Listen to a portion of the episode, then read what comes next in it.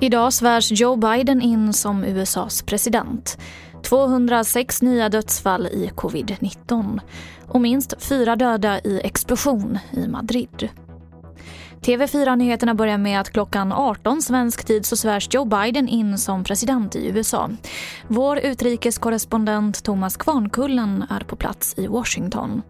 Ja, det är en ganska lugn stämning i centrala Washington DC just nu. Vi står alldeles eh, utanför eh, staketen vid eh, Vita huset och här i området så eh, finns det ju de här höga staketen som man har ställt upp. Man har inrättat olika säkerhetszoner som bevakas både av eh, Secret Service eh, men också då många soldater från nationalgardet. Men man ser faktiskt inte till särskilt mycket människor i centrala Eh, huvudstaden just nu och det är ungefär så det har varit de senaste dagarna då det har varit stort eh, fokus på den här säkerhetsapparaten som eh, är igång här nu för att se till att ingenting händer under installationen av Joe Biden.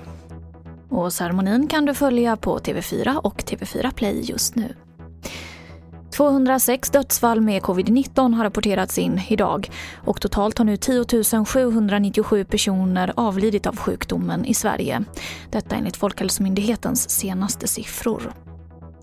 Så till Madrid där fyra personer har dött och minst tio skadats efter en enorm explosion som ägde rum i eftermiddags. Flera våningar har totalförstörts och bråte täcker gatan.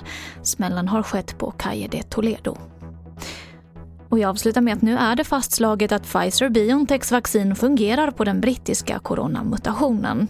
När den brittiska mutationen upptäcktes så fanns en oro ifall det vaccin som nu tas fram skulle fungera på den nya och mer smittsamma mutationen.